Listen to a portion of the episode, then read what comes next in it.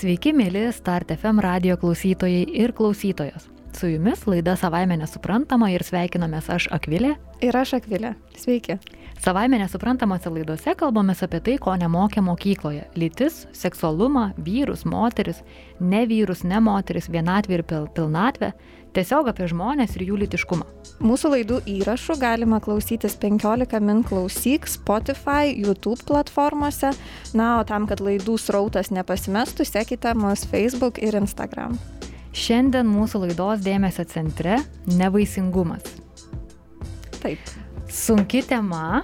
Mm, aš, o, kai su Akvilė nusprendėme paruošti vieną laidą apie nevaisingumą, galvau, na, gerai bus tokia mediciniška tema šį kartą ir vis dėlto tai turbūt labai stipriai sukrėtusi tema yra ir priminusi mano pačios kai kurias patirtis, kurių aš ne, nerėminau nevaisingumo temoje, nes pasirodo aš apie ją visiškai nieko nesupratau. Taip, tai dabar, kad visi geriau suprastume, tai galim ir apsibriežti, kai, kai, kas yra laikoma nevaisingumu arba dar sakoma e, vaisingumo sutrikimu. Mhm. Tai jeigu moteris iki 35 metų amžiaus, nenaudodama kontraceptinių priemonių ir turėdama reguliarius lytinius santykius, nepastoja per vienerius metus, tuomet jau yra rekomenduojama kreiptis į gydytoją. Tai yra vieni metai lytinių santykių iki 35 metų.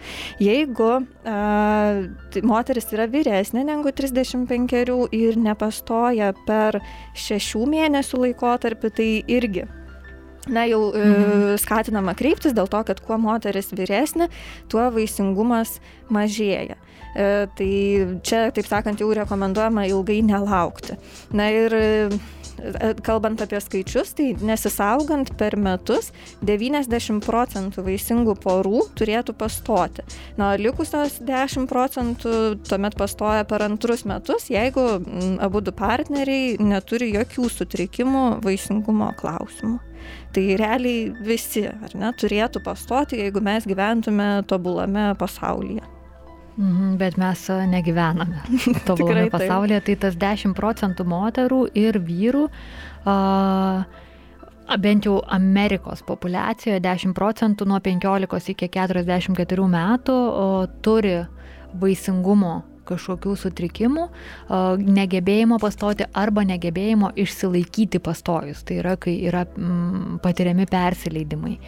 Ir... Taip, iš tikrųjų šita statistika, jinai tokia kaip ir visuotinė, kaip aš supratau, kad mhm. daug kur skaitant yra kalbama apie nuo 10 iki 15 netgi procentų nevaisingų porų. Mhm, taip. Tai aš dabar um, paskaitysiu tokią trumpą, laisvai, laisvą formą išverstą citatą iš vieno straipsnio apie moterį, kuri, kaip jį teigia, aš buvau, aš laukiausi devynis kartus ir turiu vieną vaiką ir apie, na, tokią jausmingą, šiek tiek dramatišką, skausmingą patirtis. Jūsų dėmesį. Pirmą kartą skausmą pilve pajutau per svarbų susitikimą su klientu.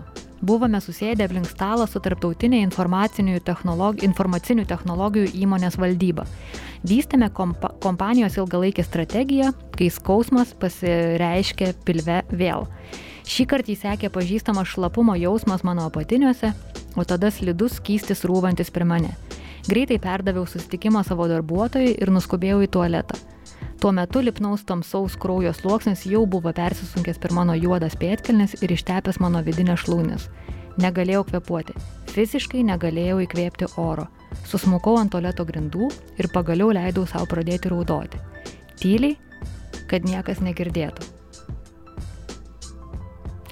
Ir kai aš skaičiau jo straipsnį, man taip norėjosi kartu su ją raudoti, nes tada supranti, kad jo, tie 10 procentų porų, tie kažkokie skaičiai, jo, kažkas persileidžia, jo, kažkas negali pastoti, kad tai yra daugybės žmonių labai tyli ir labai vieniša kančia, per ką tie žmonės turi praeiti ir aš šiek tiek jaučiuosi galinti releitinti, atsiprašau už terminą visų kalbos mylėtojų, mm, su tuo susi, susijęti save, nes kai mes laukiamės, bandėm susilaukti pirmojo vaiko, tai 11 mėnesį pavyko nuo, na, nes turėjom tą mhm. terminą vienerių metų, kad reikia iškentėti tos vienerius metus bandant.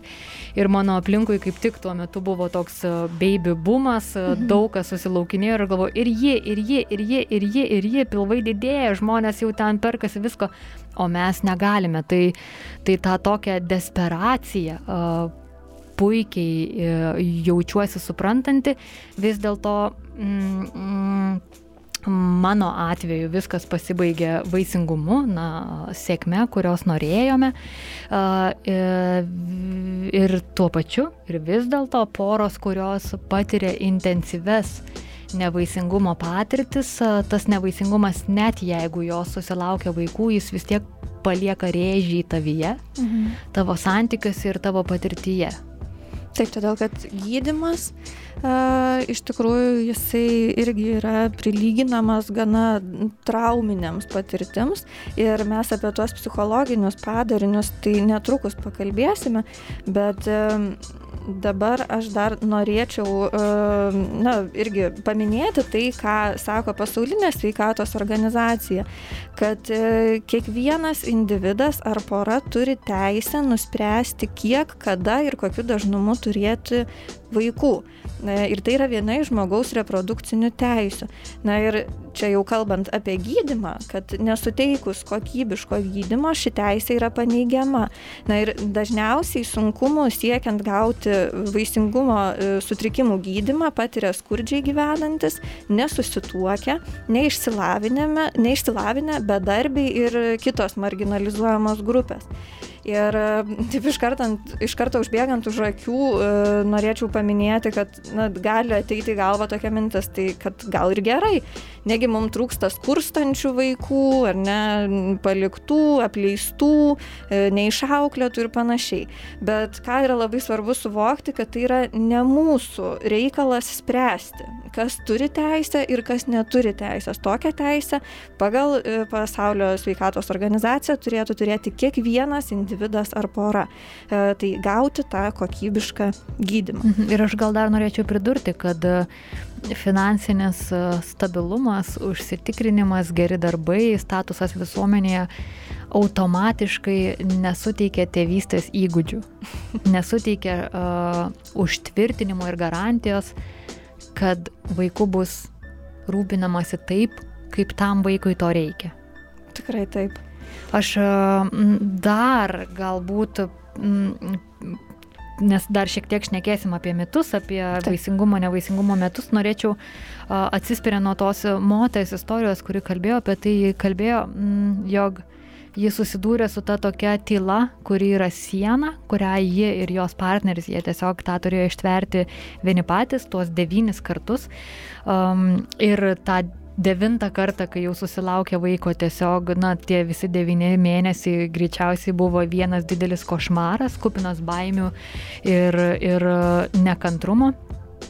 Ir kaip e, ji save apibūdino, aš buvau profesionali amerikietė moteris, kuri tiesiog savo gebėjimo daugintis reprodukcinės funkcijos niekam profesinėme mm, tam settinge e, e, niekam apie tai negalėjau kalbėti, nes vien mintis, pasakymas, kad aš noriu susilaukti, aš bandau susilaukti vaikų, iš karto gali reikšti, kad tu negausi kažkokio projekto, tu negausi paaukštinimo, kažkam bus kažkas atiduota vietoj, vietoj tavęs, tai tas toks toks, tokia labai didžiulė veidmainystė, jog mes tuo pačiu iš moterų tikimės, kad jos gimdys vaikus ar nesusilauks, mm. tarsi tą mm, moteriškumą įrėminame į reprodukciją, bet tuo pačiu tam tikrose gyvenimo aplinkybėse tu visiškai absoliutiškai negali užsiminti, kad tu esi vaisinga ir dar netgi nori turėti pareikšti teisės į savo vaisingumą šiame gyvenimo etape.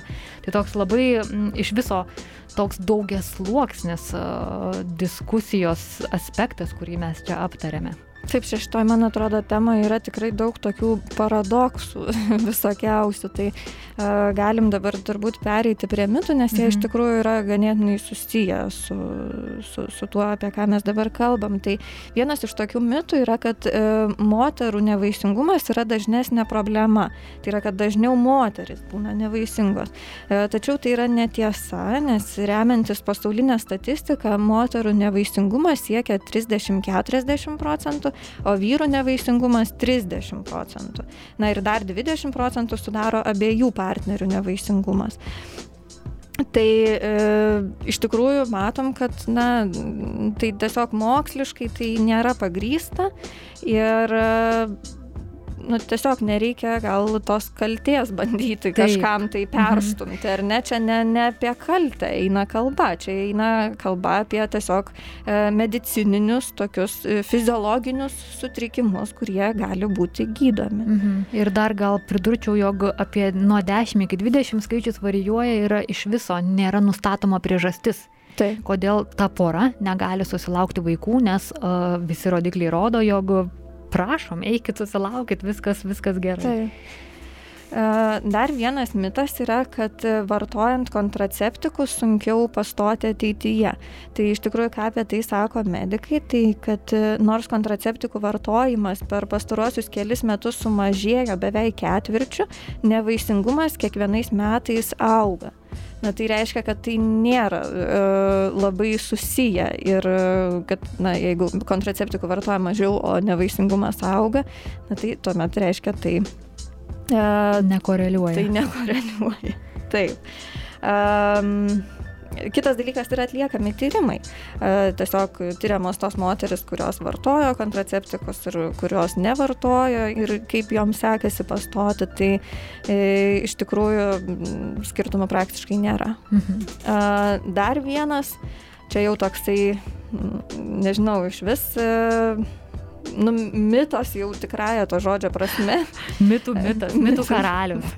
Kad e, tie žmonės, kurie negali susilaukti vaikų, gyveno palaidą gyvenimą, darėsi abortus lytiniu keliu plintančiomis lygomis sirgo ir dėl to negali pastoti. Na tai čia toks tas bausmės motyvas, ar ne jau prasideda.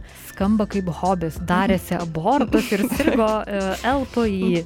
Taip, nors iš tikrųjų uh, kai kurios lytiškai plintančios lygos gali turėti įtakos paskui vaisingumui, bet čia man atrodo yra dar vienas, na, absoliučiai nelogiškas dalykas galvoti, kad žmonės žmonėms taip atsitiko dėl to, kad, na, apsidairykim aplinkui.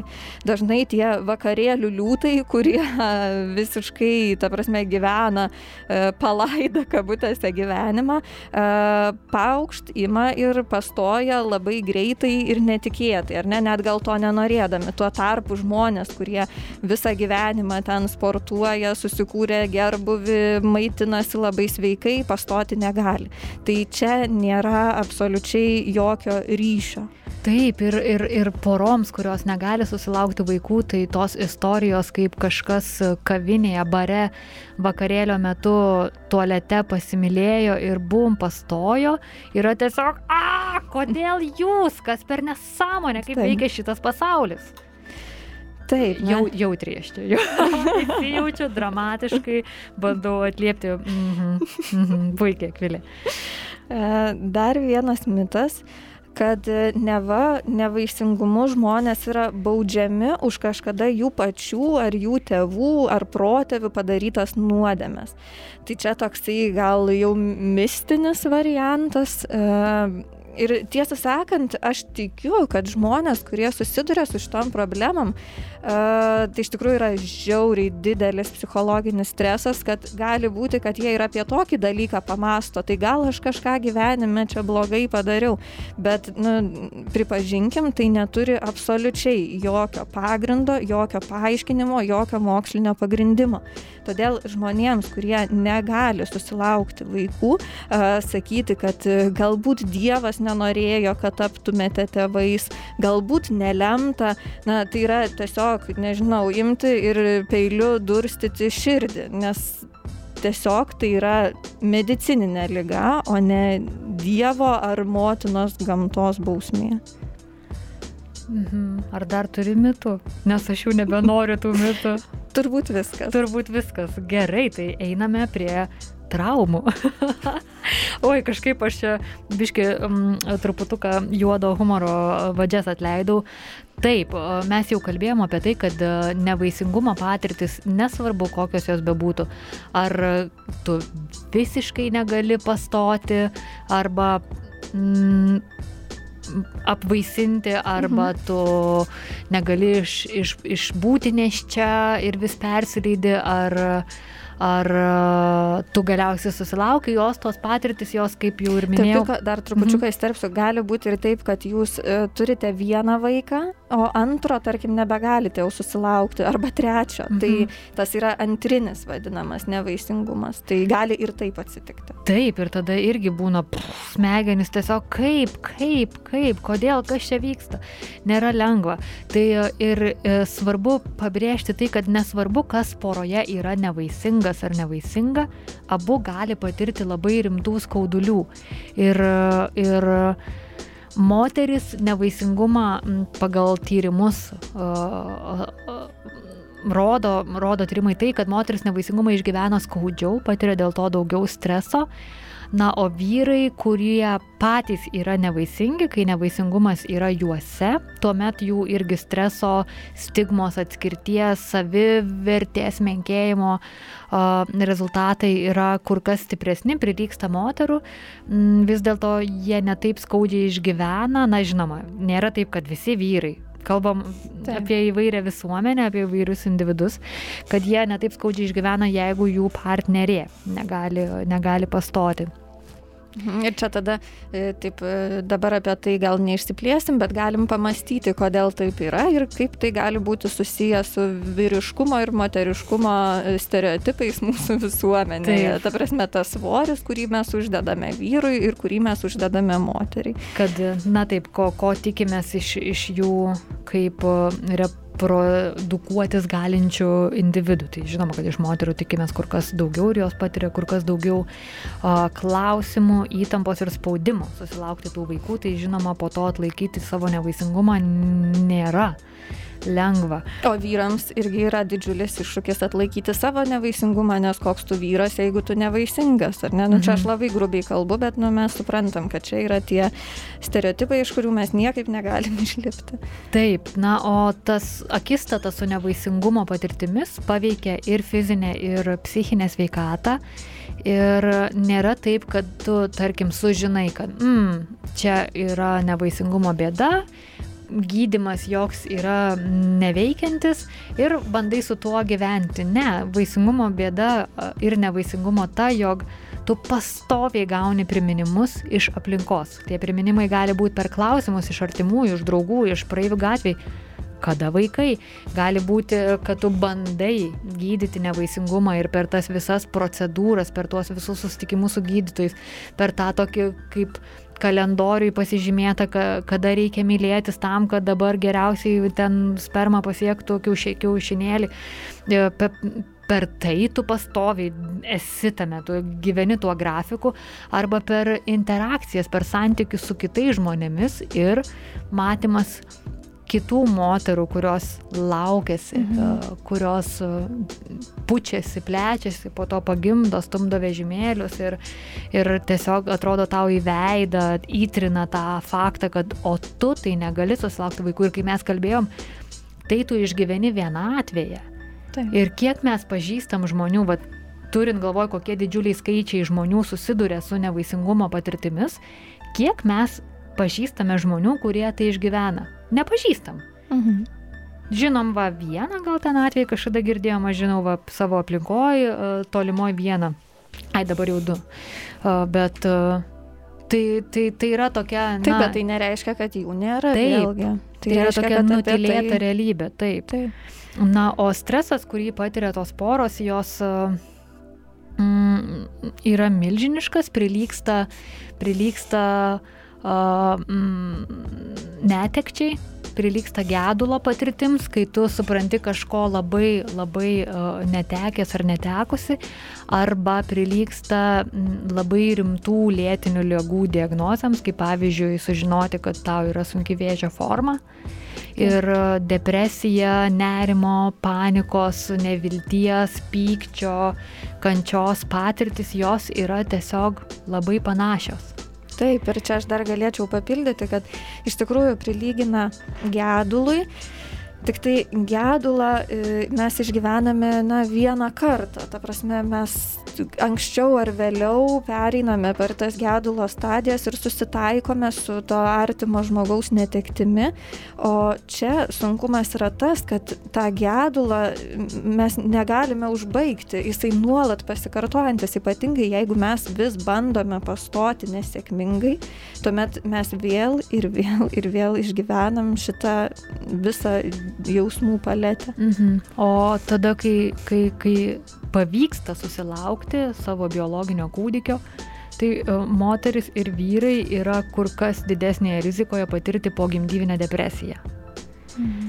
Ir suprantama kodėl, nes e, greičiausiai ant tiek įtampos yra visas tas susilaukimas pastatytas, kad e, jis vis tiek turi prasiveršti. O prasiveržia, žinoma, tuomet, kai esi labiausiai nusilpęs ir neišsimiegojęs. Taip. Na ir čia dar galima mm, išskirti tokias kelias irgi kaip stadijas, kurias mm, patiria tie žmonės, sužinoja tą uh, diagnozę, tai, uh, na tiesiog gal, kad šiek tiek geriau juos suprastume, tai pirmoji reakcija dažniausiai būna šokas arba neįgymas, na negalima patikėti, vis tiek dar laukiama, kad galbūt viskas bus gerai, tada ateina pyktis ir bejėgiškumas, nes uh, kitose gyvenimo situacijose galioja taisyklė, kad kuo daugiau tu įdėsi pastangų, e, tuo geresnių rezultatų pasieksi. Čia dėja taip neveikia. Tu gali įdėti visas pasaulyje pastangas, bet jeigu tas gydimas yra nesėkmingas arba priežastis yra neaiški dėja, bet šita taisyklė neveikia. Taip pat mažėja savęs vertinimas, e, atsiranda gėdos, kalties jausmas prieš sutuoktinį arba antrąją pusę, e, prieš tėvus, prieš kitus artimuosius.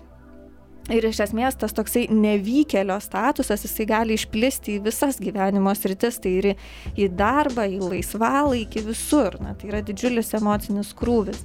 Na ir galiausiai žmonės nuleidžia rankas, jos apima sąstingis, apatija, vangumas, didelė dalis susirga depresija, tai gali atsirasti ir somatiniai nusiskundimai, nuovargis, nemiga, valgymo sutrikimai ir panašiai. E, kai kurie e, susitaiko, na čia tuo nesėkmės atveju, ne, kai kurie susitaiko ir išmoksta su tuo gyventi, o kai kuriem tikrai gali prireikti ir rimtos pagalbos. Mhm. Ir na, tas susitaikymas jis yra ilgas procesas. Ilgas Taip. procesas, kuris uh, kuris ne visiems, kaip tu ir minė, pasiseka ir, ir net susitaikius mes žinome, kad tokios sunkiai išgyventos patirtis, tokie skausmai, jie tave pakeičia. Ir, tai. ir yra kai kurios poros tiesiog pradeda vengti bendrauti su draugais, kurie turi vaikų arba jų susilaukinė, nes jiems tai yra tiesiog per skaudi akistata. Kai kurios poros uh, labai sutvirtėja šiuose patirtise, mhm. kai kurios tiesiog subyra. Uh, ir uh, siunčiu poros, kurios to klausyt, klausotės, dabar siunčiu jums labai daug palaikymo. Tikrai taip. Ar dabar apie pagalbinę apvaisinimą pašnekėsim, taip? Taip, dabar pašnekėkim apie tai, kaip yra gydoma. Gydomi nevaisingumo sutrikimai. Tai iš tikrųjų tas dirbtinis arba pagalbinis apvaisinimas tai nėra tikrai pirmas būdas, kurio yra griebiamasi gydant nevaisingas poras. Tai iš tikrųjų apie 85-90 procentų nevaisingumo atvejų gydimui yra pasitelkiami vaistai arba tiesiog reikalinga operacija tam tikra.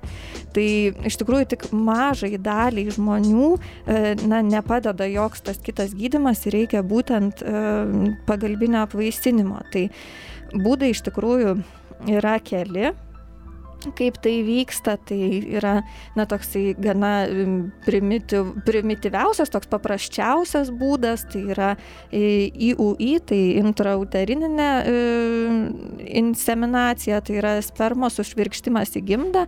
Turbūt e, pats toksai labiausiai išplitęs, populiariausias būdas, tai yra in vitro fertilizacija, IVF vadinamas. tuomet yra... Kuri yra labai brangi. Taip, jinai yra labai brangi.